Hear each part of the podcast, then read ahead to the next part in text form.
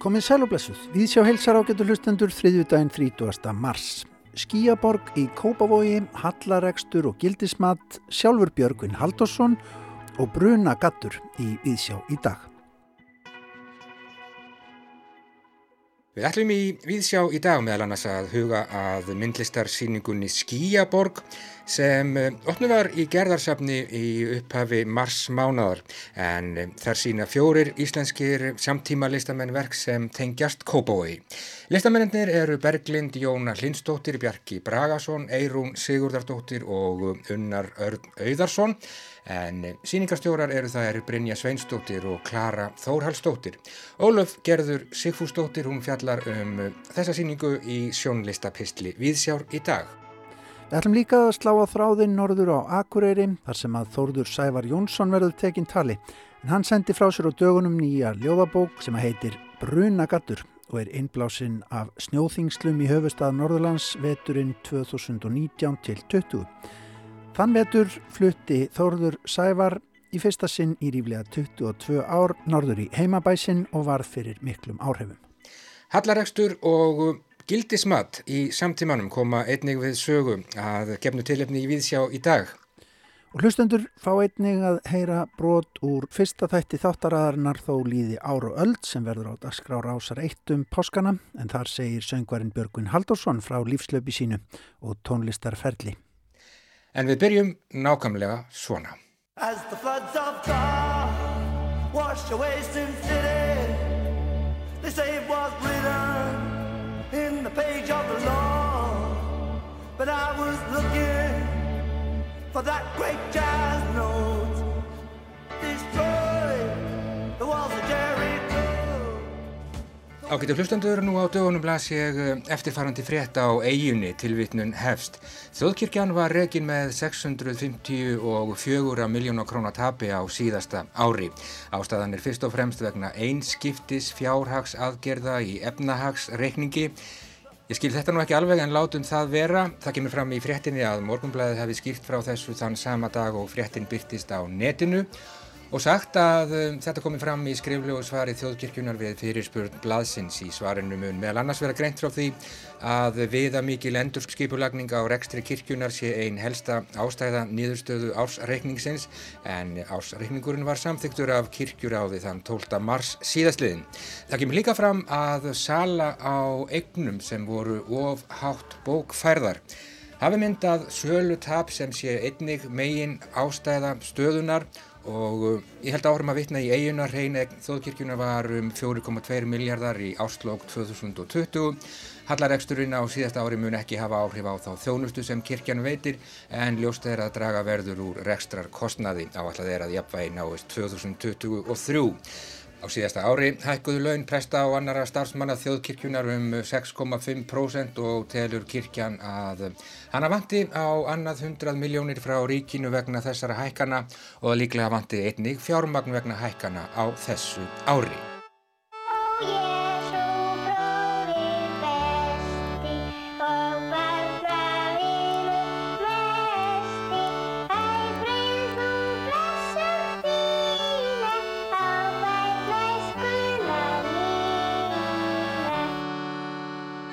Með fréttinni sem byrtist á eigunni fyrir nokkrum dögum fylgdi ljósmynd af eh, Agnesi biskupi og já, hún leitt út eins og hún hefði ekki neini hort fyrir um daginn á eftir nokkrum sálum á beinustuleði til helvítis. Heldur leitt hún nákvæmlega út eins og kona sem hefur tapað nákvæmlega 654 miljónum en kannski var hún bara óöppin með lýsingu annað eins hefur gerst. Hvað kostar fadir vorið, hugsaði ég, að ég tala nú ekki um trúarjáttninguna, er hún ekki bara ávísun á stöðuan hallaregstur og er mögulega hægt að reka hana með hagnaði og er það yfir höfuð eftir soknar verð. You saw me crying in the chapel The tears I shed were tears of joy I know the meaning of contentment. Now I'm happy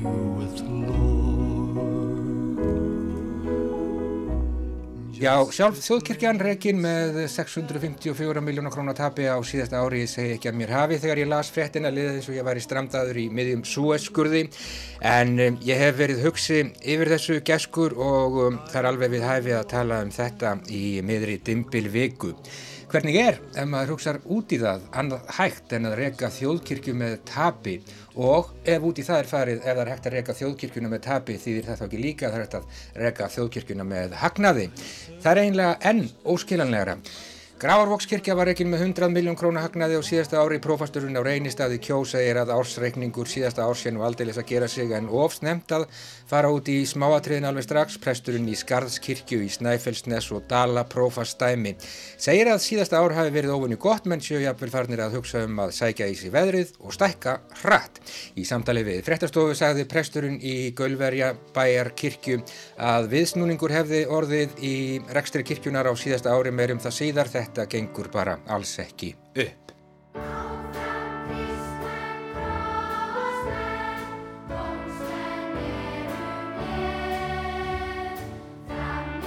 Veit nákvæmlega ekkert um rekstur á getur hlustendur, ársreikninga, viðskipti nákvæmlega ekki neitt en ég skilja það sé hægt að reyka veitingastæðin Krúa Tæ með tapi, reyka sólbastofuna Smart með tapi, Hotel Sögu, jafnvel Marel, nei, varla Marel, vondæmi, Melabúðuna, Enverra en þjóðkirkjuna, ég bara skilja þetta ekki, varla er þjóðkirkjan skráð í kauphöllina en hvað veit ég, ég veit að eitt að Guð er víðar enn í görðum og þá er hann mögulega bara í kauphöllinni líka. Er það ekki eðli þjóðkirkju að vera rekin með tapi? Landsbítalinn, svo dæmis ég tekið kæri hlustandi, hann hlýtur að vera rekin með tapi, annað er óhugsandi, fjársísla ríkisins, vegagerðin, neyðarlínan, vinnumálastofnun, matvælastofnun, geyslavarnir ríkisins, yfirskattanemnd, skattrannsónastjóri ríkisins, veðurstofa Íslands, landgræðsla ríkisins, hirnar og talmeinastofnun Íslands, þjóðskrá, stofnun Árna Magnússonar í Íslenskum fræðum, háskólinn, Bunnandi tap allstaðar og um, ætti auðvitað í sjálfu sér ekki að vera fréttnæmt að því tala nú ekki um sjálft ríkis útvarpið geskur. As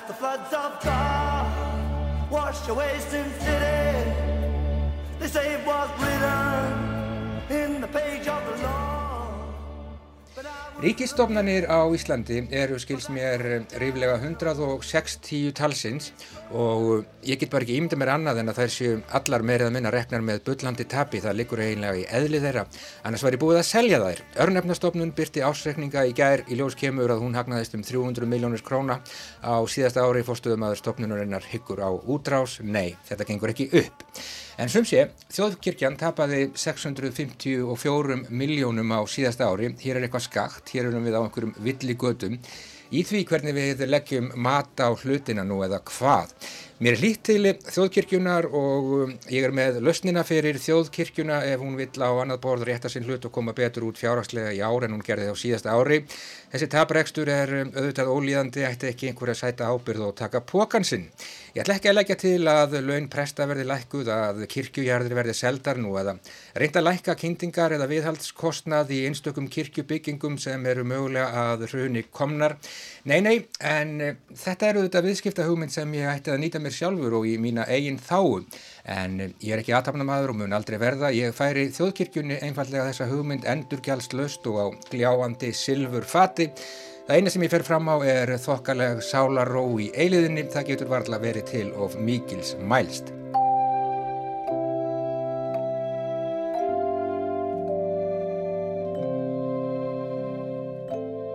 Ég myndist lítilega á melabúðuna hér áðan. Sumt fólk fer í leikhús, ég fer í melabúðuna og aldrei myndi ég tala ítla um hana. En ég fór sem sé í melabúðuna í gerð til að kaupa mánudags sóninguna en mér vantaði líka rakvelarblöð. Sóningin var á viðræðanlegu verði en ég var búin að steingleima hvað rakvelarblöð eru dýr.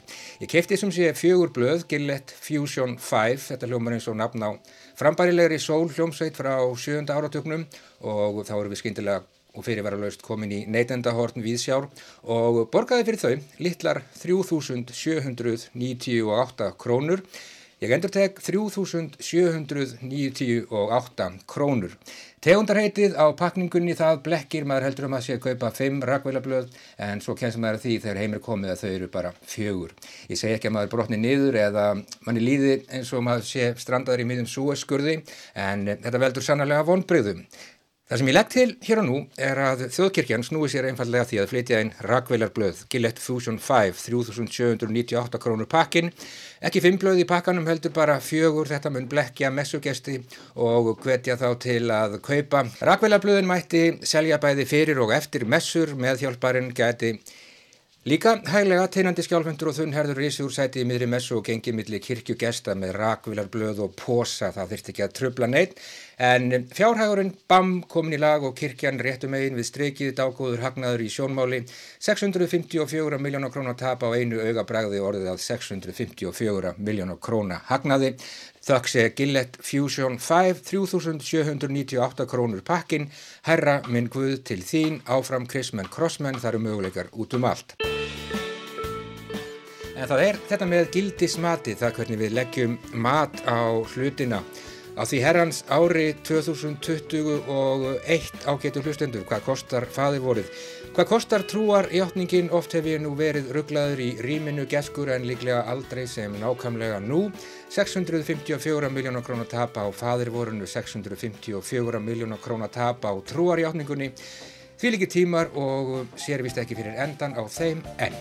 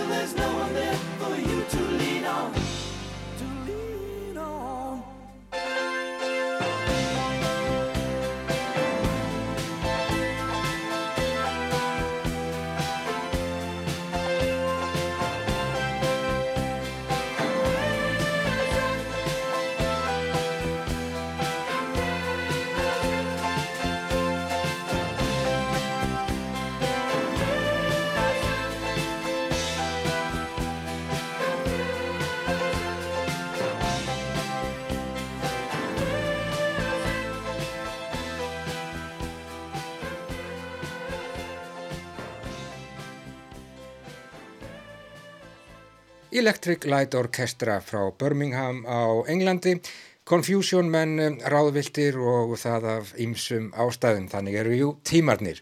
En um, páskaháttíðin er framundan á getu hlustendur og um, já, glæsileg háttíðar dagskrá í kortónum hér hjá okkur á Rás 1, ekki satt Gunni Tómasson? Jú, Erikur, það er heldur betur heilmart að hafa í páskadagskrá rásarinnar að þessu sinni. Reyla örgara fyrir hlustendur að hafa bara kveikt á útastækjunum frá mótni til kvölds. Það má nefna að við ætlum að heyra minningu Jóns Múla Árnasonar, þess mikilvirka jazzmanns og útastmanns og hlýða á tónleika Stórsveitar Reykjavíkur með tónlistinni hans.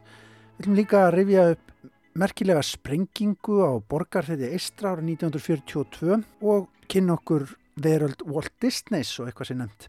Það verður fullt af tónlist í dagskráni, Jóhann Sebastiu Bachs má nefna, slutningur úr Langholtskirkju þar sem Benedikt Kristjánsson er miðal söngvara. Annan ungan fagmann úr heimisöngsins má nefna Jóhann Kristinsson sem að mun syngja Des Knapen Wunderhorn eftir Gustaf Mahler á páskadag á samt píanleikarunum Amiel Busakevich. Mattias Tryggvi Haraldsson liðsmaður Hatara, hann veldir upp áhugaverðum hugmyndum um dauðan í þáttum og Fanni Benjaminsdóttir og Hallveig Eiríksdóttir ætla að kynna okkur fyrir fólki sem hefur valið að fara nokkuð óheðbundnar leiðir í lífinu. Það má síðan ekki gleyma útastleikursunu, leikópurinn Kryðpleir, hann býður upp á glænýtt útastleikrið sem heitir Vorar skuldir, viðjandi nafn kannski, Og svo má nefna að söngvarinn Björgvin Haldursson hann ætlar að regja lífslaup sitt og tónlistarferil í fjórum þáttum sem að heita Þó líði ár og öld. Þetta er langur og mikill feril, rífleg 50 ár sem að ferilinn spannar. Björgvin var auðvitað í hljómsveit fyrst í Hafnafyrði sem að hétt Bendix en sló svo í gegn eiginlega á landsvísu árið 1969 þegar hann var kjörinn popstjarnar ássins í lögadashöll við mikla viðhöfn og mikil læti í höllinni þá. Það vart hann mikla aðtegli, ekki síst fyrir brotnu tönnina sem hann skartaði. En við ætlum að fá smá brot úr þessum þáttum. Fyrsta þætti þáttaræðarinnar um Björgvin Haldursson, það er Pál Kristinn Pálsson sem hefur umsjón með þáttunum og ég vinn þættina með Páli. Við grípum niður í fyrsta þáttar sem að Björgvin er að tala um eh, Lætin sem að stundum urðu í hafnarferði á 13. Hann rekur æsku sína í fyrsta þætti þá var oft aldrei stuð. Við skulum heyra þetta og fá svo eitt lag með Björgvin á eftir. 13. Sko, að týðkaðist í gamla daga þegar ég var uh, ekki orðin unglingur, ég var bara strák pjakki, bara 12-13 eitthvað. Það týðkaðist, þetta var frækt hérna á Íslandi, það var alltaf ólæti í hafnarferði á 13 og við erum að tala um Hafnarfjörð sem að var ekki fjárðagata var ekki til, það voru bara bátar í, í, fjörunni og, og alltaf sko, það alltaf á 13. þá brutust út svona ólæti og bara ertu að fá liðsauka úr Reykjavík frá Lörglu, bara var múur það var svona beirút stemming sko. Kveikt í bátum upp á strangötumar og mennteknir í djeilið og allt svona, sko. ég er náttúrulega bara áhörandi en þessi fullotnu strákar voru bara harðir á þessu og þetta var bara eins og í bíó sko. Og ég man alltaf eftir í ég á þetta einhvers þar, gamli safnarinn. Fyrsta myndin sem kemur að mér í fjölmjölum er í alþjóðublæðinu það er mynd af svona litlum strák með svona tre sem er uh, búið að taka fyrir rótum. Ungur drengur með ólæti í hafna fyrirsögnin. Okay. og ég, hérna, þetta er satt í á þessa grein. Og það var bara einhvern smelt einhver mynd eh, að mér þarna. Og síðan var náttúrulega að fara svo dvínaði þetta, þetta var lengi. Þetta var bara stór vandrar og engin veit út af hverju þetta var.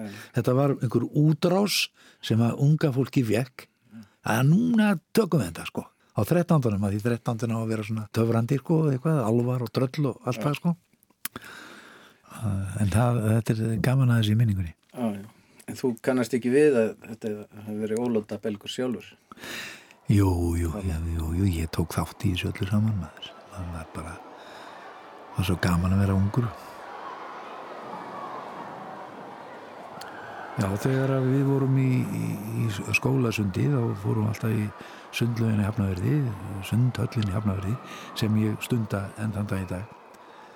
Það er byggðið 1942 og æðislega flott laug.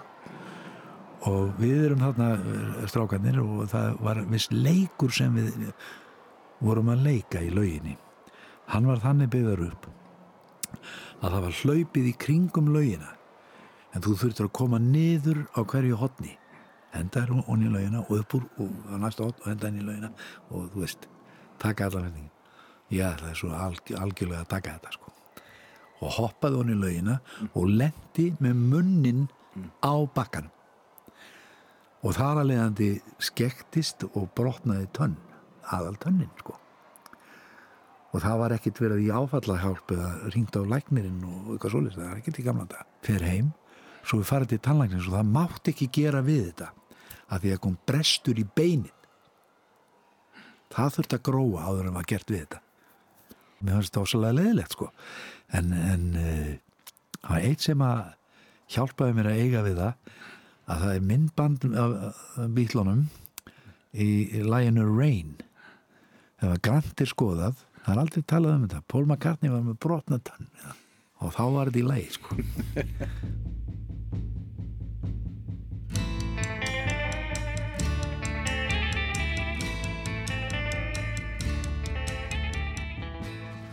Pappi gæti verið mjög strángur sko. Ég man eftir í einu sinni þá hérna hún var fyrta við að reykja bak við Hafnarabjó og ég var sko ylvingur með svona merki og allt svona. Og þetta kemst upp og ég fer að það var inn í skápan þegar hann kipti í ellendis þá var þetta einhver skáp og ég stál einhverjum síkardubökkum sko. Og hann tók mig alveg á teppið bara alveg eins og ég væri í hernum og strippaði öllum merkjónum að mér. Þú ert ekki lengur ylvingur nú er þetta búið gleymi aldrei. Þar laug þeirri kefni og hann var mjög, mjög strángur sko, gatverða en ásala ljúur ásala ljúur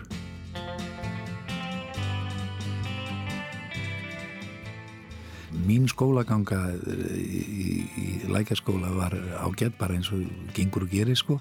Það var þegar ég fór í Flensborg gagverðarskóla þá er maður orðin svolítið unglingur sko og hérna hafði ekki mikið ná á þessu en gekk ekkit illa. Ég er mjög góður í reikningi núna. Og ég var mjög góður í málfræði og fekk frí í ennsku tímum. Ég kunni ennsku, ég hef búin að hlusta svo mikið. Og í Flensborg er ég svona að verða unglingur. Og ég horfi mikið út um gluggan og svona. Og ég var með síningu í rocksafnun í Keflavík þar sem dregin voru fram við erum svo miklu safnarar bræðunir dregin fram alls konar plögg og gamlar kennslubækur og svona. Og ég sé á bókonum mínum þá er verið að dulla svona þá er það bara Keith Richards, Mick Jagger Paul McCartney. Og síðan, síðan gengur og ég, ég kláraði ekki einu svona skilduna sko. svo ég segi frá því það kom að bóð frá Flensborg Ólafur Þotn Kristjánsson, skólastjóri. Hann bóðar mömmu á fund og ég fer með henni. Og það sem í minningunum minnum við hann hafi bara sagt bara það þýðir ekkit fyrir hann Björgunar í skóla. Hann er engan á þessu. Og í þá daga mamma við erum með fimm börn, pappa allt á sjónum og hún bara saði ok. Og ég bara flott maður. Ég meina, fór bara vinnanir á höfn og svona, ég man alltaf þetta þegar maður var í skólanum sko þegar maður, ég er hún sko 15-16 ára mm. þá, þá er skólataskan bara fer ég niður sportvali hitta Jónas R og geimi skólataskuna og fer svo bara heim og það er bara pæli í þessu. En ég hef oft hugsað um það ef að þetta gerst með börni mín sko, ég hef ekki keift þetta. Ég hefði svona lamið hans í borðið og sagt bara, hvað er í gangi? Það þetta er ekki nógu góðu kennarar þetta voru bara aðrir tímar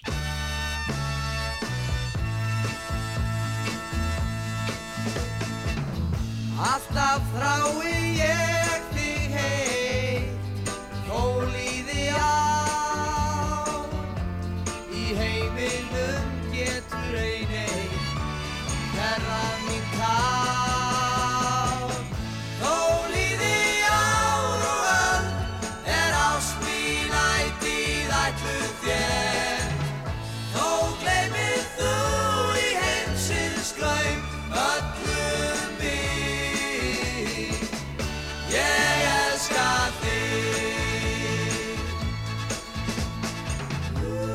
svefni sem vökru sé ég þig. Brosandi augu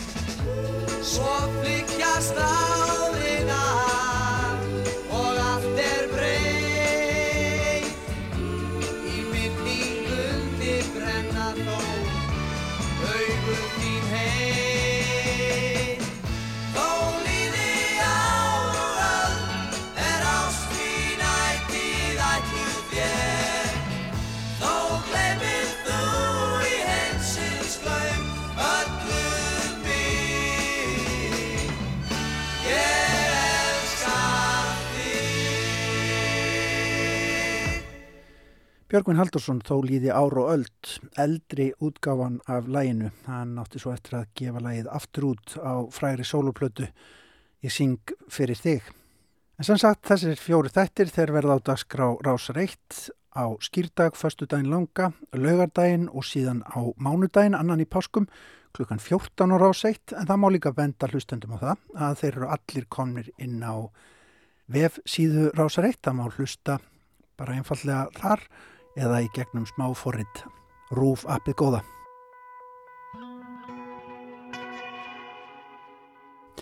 En áfram með smjöri hér í Vísjá, leiðin liggur söður í Kópavók. Við ætlum að huga að síningu sem opnum var í gerðarsafni í byrjun massmánuðar. Óluf Gerður Sigfúrsdóttir tekur við.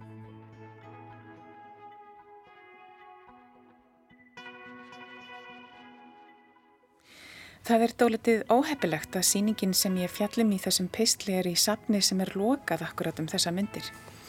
Á sama tíma er það orðið típist fyrir tímana sem við lifum á. Meira segja menningin er hverful og aðgengi að andlegri og vitsmunalegri næringu síður en svo sjálfsagður hlutur.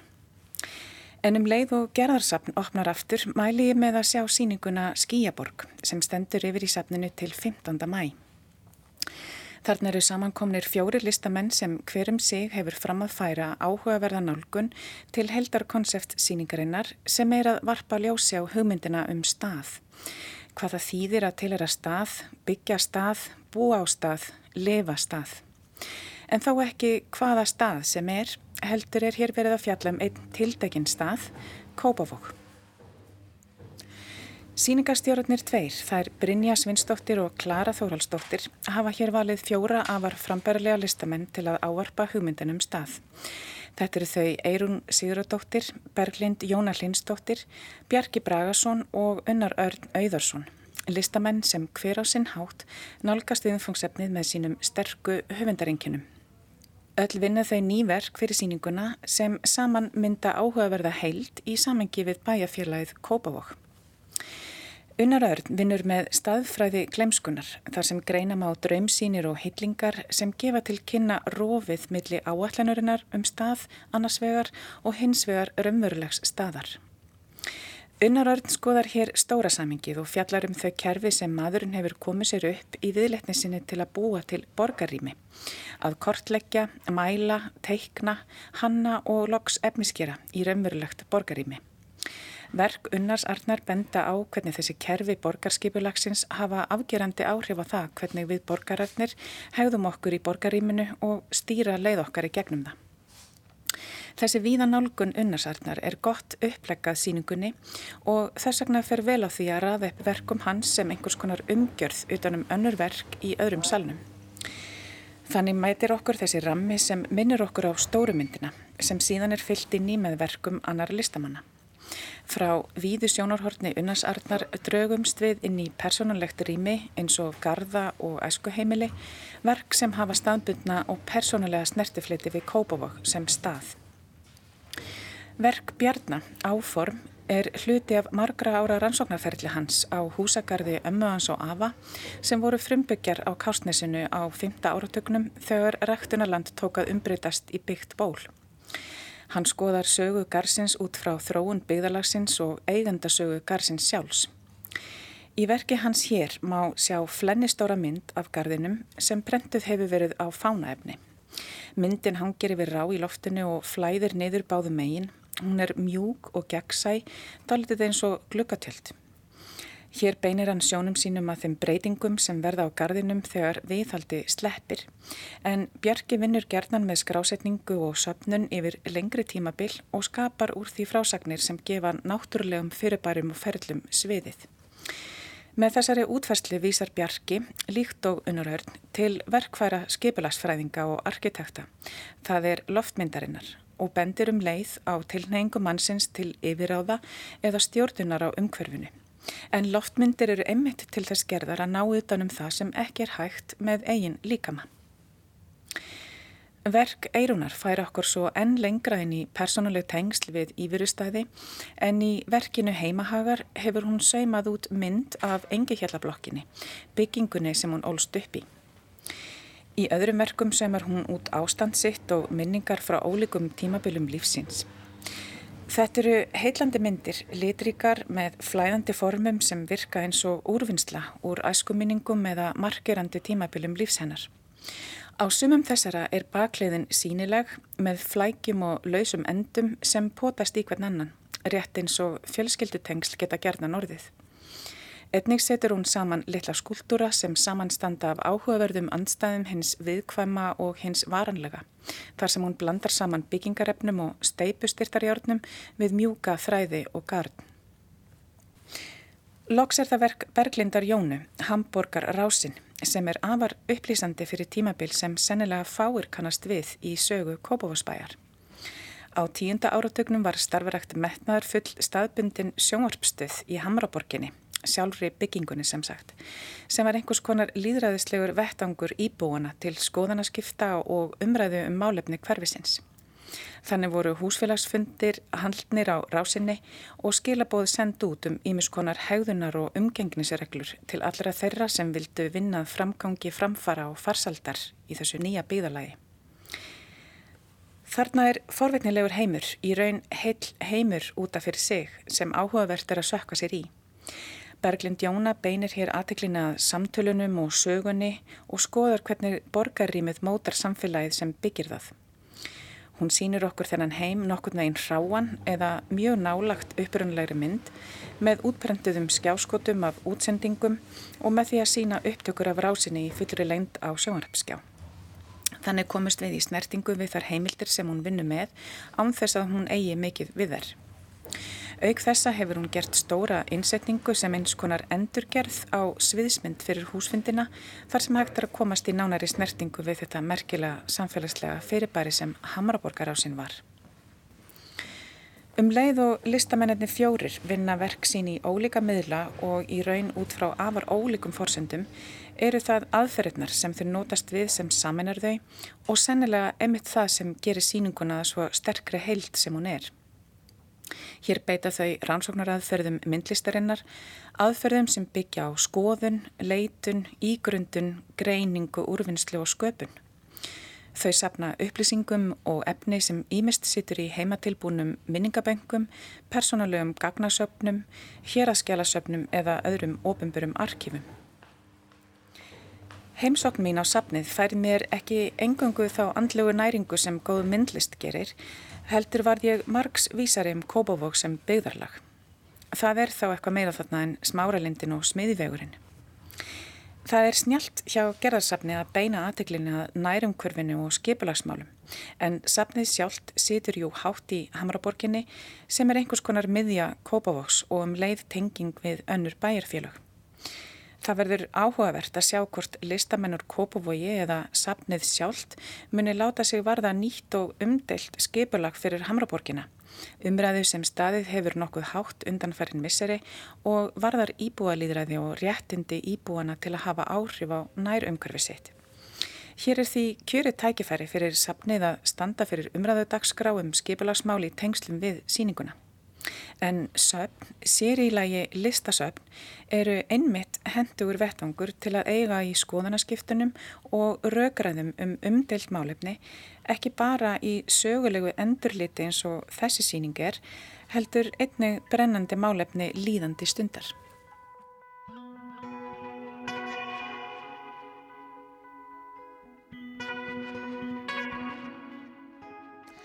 Saðin Ólaf Gerður Sigfúsdóttir í sjónlistapistli hér í Víðsjá á þriðudegi um síninguna Skíaborg í Gerðarsafni þar sem fjórir íslenskir samtíma listamenn sína verk sem að tengjast Kópói.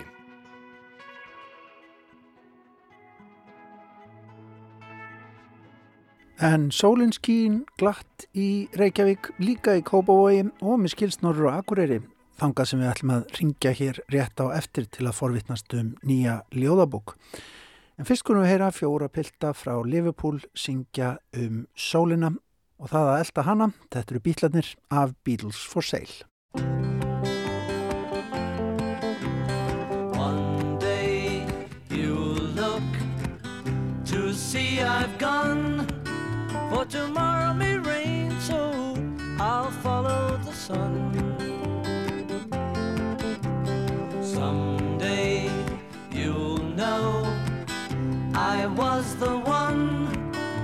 Tomorrow may rain, so I'll follow the sun. And now the time has come, and so my love I must go.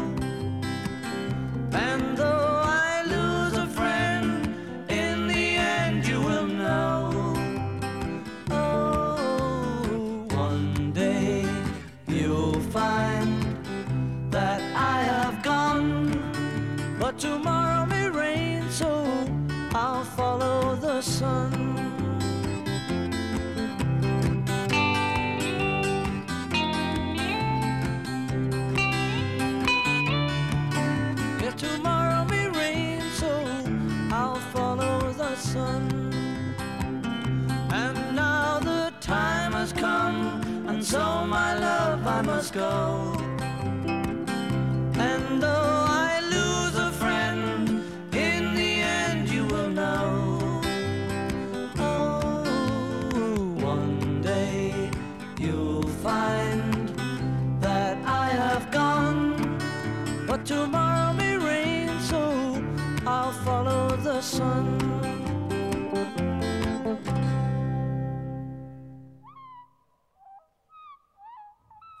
Þá tökum við upp síman og ringjum í ljóðskáld Norður landi sem að nýlega sendi frá sér ljóðabók sem að heitir Bruna Gattur.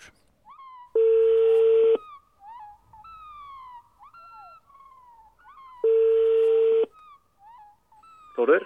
Blessar og sæl Guðni hérna. Já, sæl.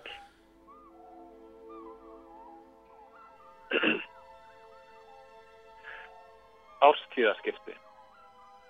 Haust, vetur. Bara ef þau væru fyrirsjáanlegri, hófstiltar. Bara ef okkur yrðikestu viðvart með nægum fyrirvara svo við hefðum ráðrúm til að grípa til viðeigandi ráðstafana. Bara ef þau væru meira eins og liklaskipti í opinberri stopnu. Eitt. Stutt ávarp. Tvö. Óvenju langdreið handaband. Þrjú.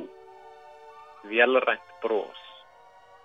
Gjörðu svo vel velkomin til starfa.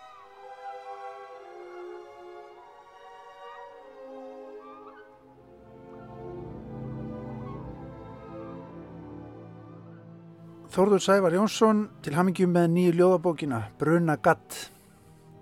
Þakka þið fyrir. Sko þegar maður lesi þessa bók eftir þig Þórður þá uh, áttar maður sig á að, að þér er kallt að vetrum og þér er kannski dálítið illa við veturinn en, en þér þykir kannski líka dálítið væntum hann eða eitthvað.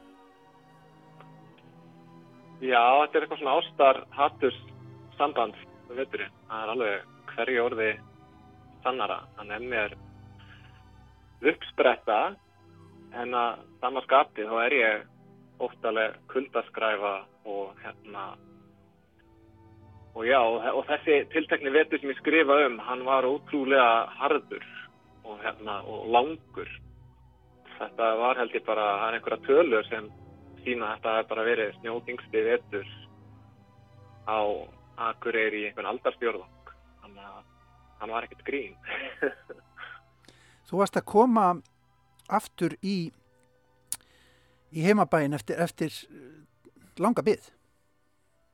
Já, nefnilega. Ég, ég fættur og uppalinn á Akureyri og, og fyrstu minningarna mínar eru þaðan en við erum ekki nú að ég er átt ára flytjum til Reykjavíkur og þetta eru, þetta eru rúm 20 ár sem ég býð fyrir sunnan þannig ég held að þetta hafi komið alltaf flatt upp á mig. Ég flutti loksins aftur norður að, að hérna, ég tóktist náttúrulega vita að væri að snjóaði meira og, og hérna það væri aðeins meiri vetur fyrir norðan en, en ég held ég hafi ekki alveg gert mig alveg grein fyrir hvað þetta er mikill mikill munur sko.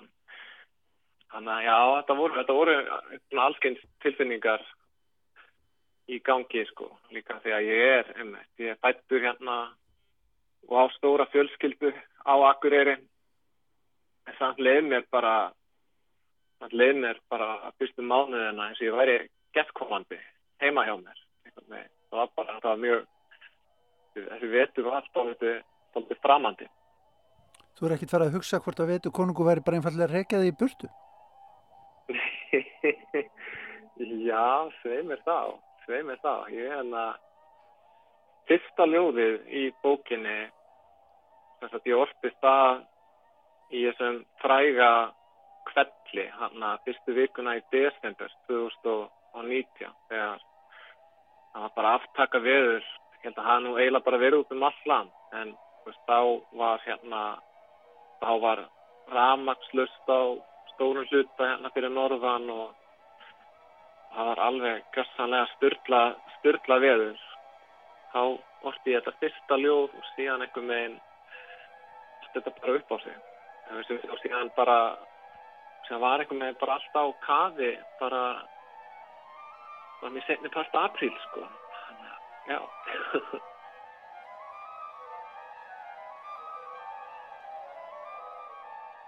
Hvítt eins langt og augað eins, tabula rasa.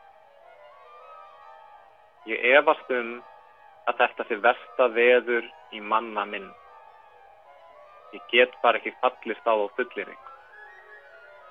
Það er nefnilega allur gangur á því hversu mikið elstu menn mun og það er hendingu háð hvort gott minni gangi mann fram að manni minni fram að minni eins og grágræn augu eða ómetanlegur ættargripur. Ég veit hins vegar eitt fyrir víst. Glemskan er okkur öllum í blóðbórin. Hún er arfgengi sjúkdómurinn, lindasku bylurinn sem best frá kynnslóð til kynnslóðar allt þar til yfir líku.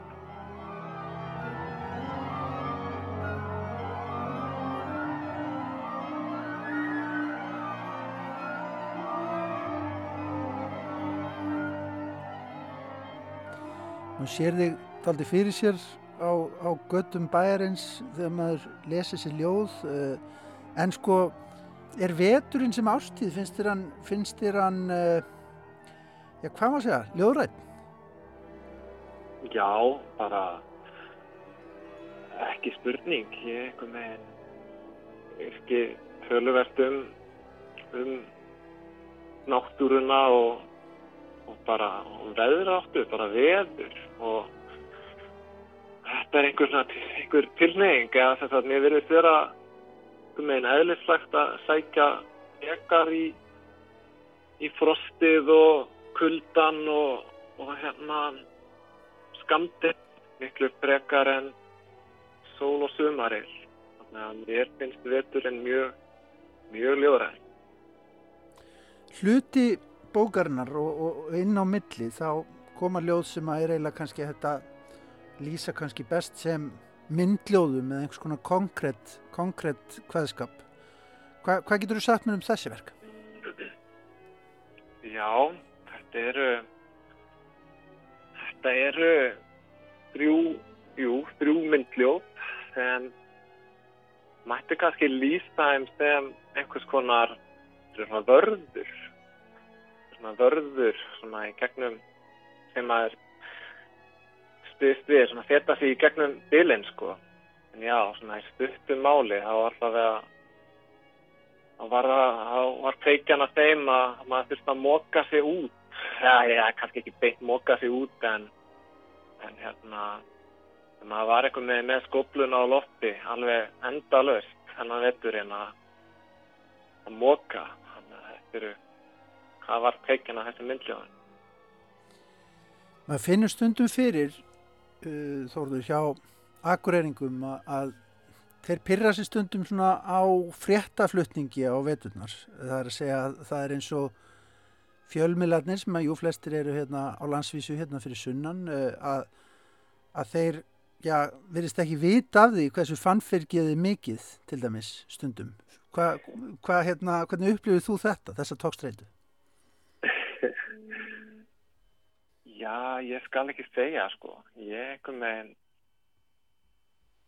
ég, ég þetta er mjög góð spurning. Ég, hérna ég búið tölvöðs lengur fyrir sunnan en á, en á Akureyri og hérna en ég veit sem er að það eru margir hérna fyrir norða sem ég þekki ágætlega og, og hérna og bara finnst þetta bara vilja, já, finnst snjórin æðislegur og og hérna og það er náttúrulega rosa góð einmitt, fólk er á gungustíðum og og hérna á kafi í þessum sportum en eitthvað kannski, já, kannski væri til að mynda, kannski væri vetturinn bærilegri ef ég ef ég kynni á skýði eins og ég segi, ég finn honum finn honum flest til bóráttu en einstinni þykir mér óstum bættum mann sko En sko manni finnst í mörgum ljóðaðina í bókinni talsverður húmórin á milli og ég veit að maður, sem ég segi, maður er alls ekki að spyrja reytuvunda eða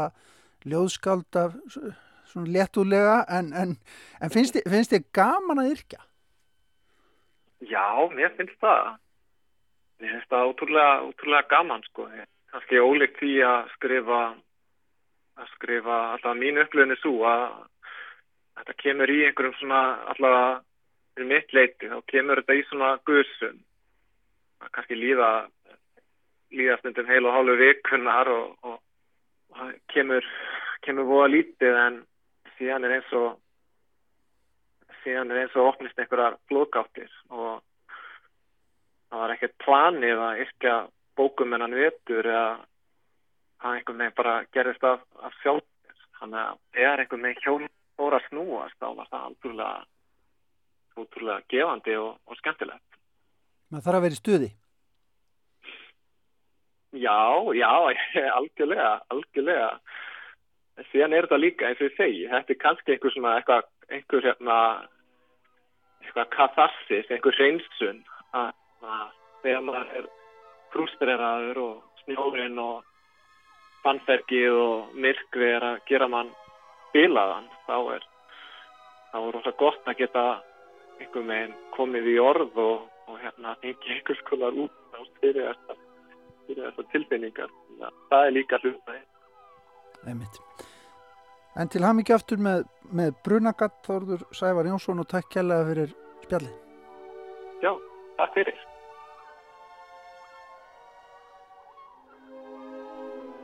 Innilokunar kent eitt að vera myrkrana á milli.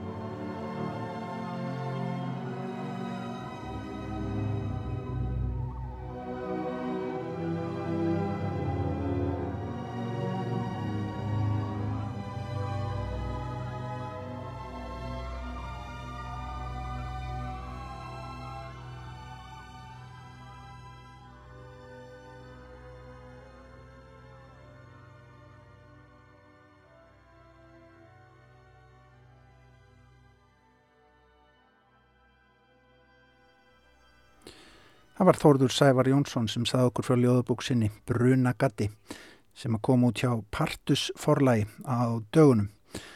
Það var tónlist eftir finska tónskaldið Enuhani Rautavara sem að þarna var innanum og sama við. Cantus Articus heitir verkið fyrir fuggla og hljónsett.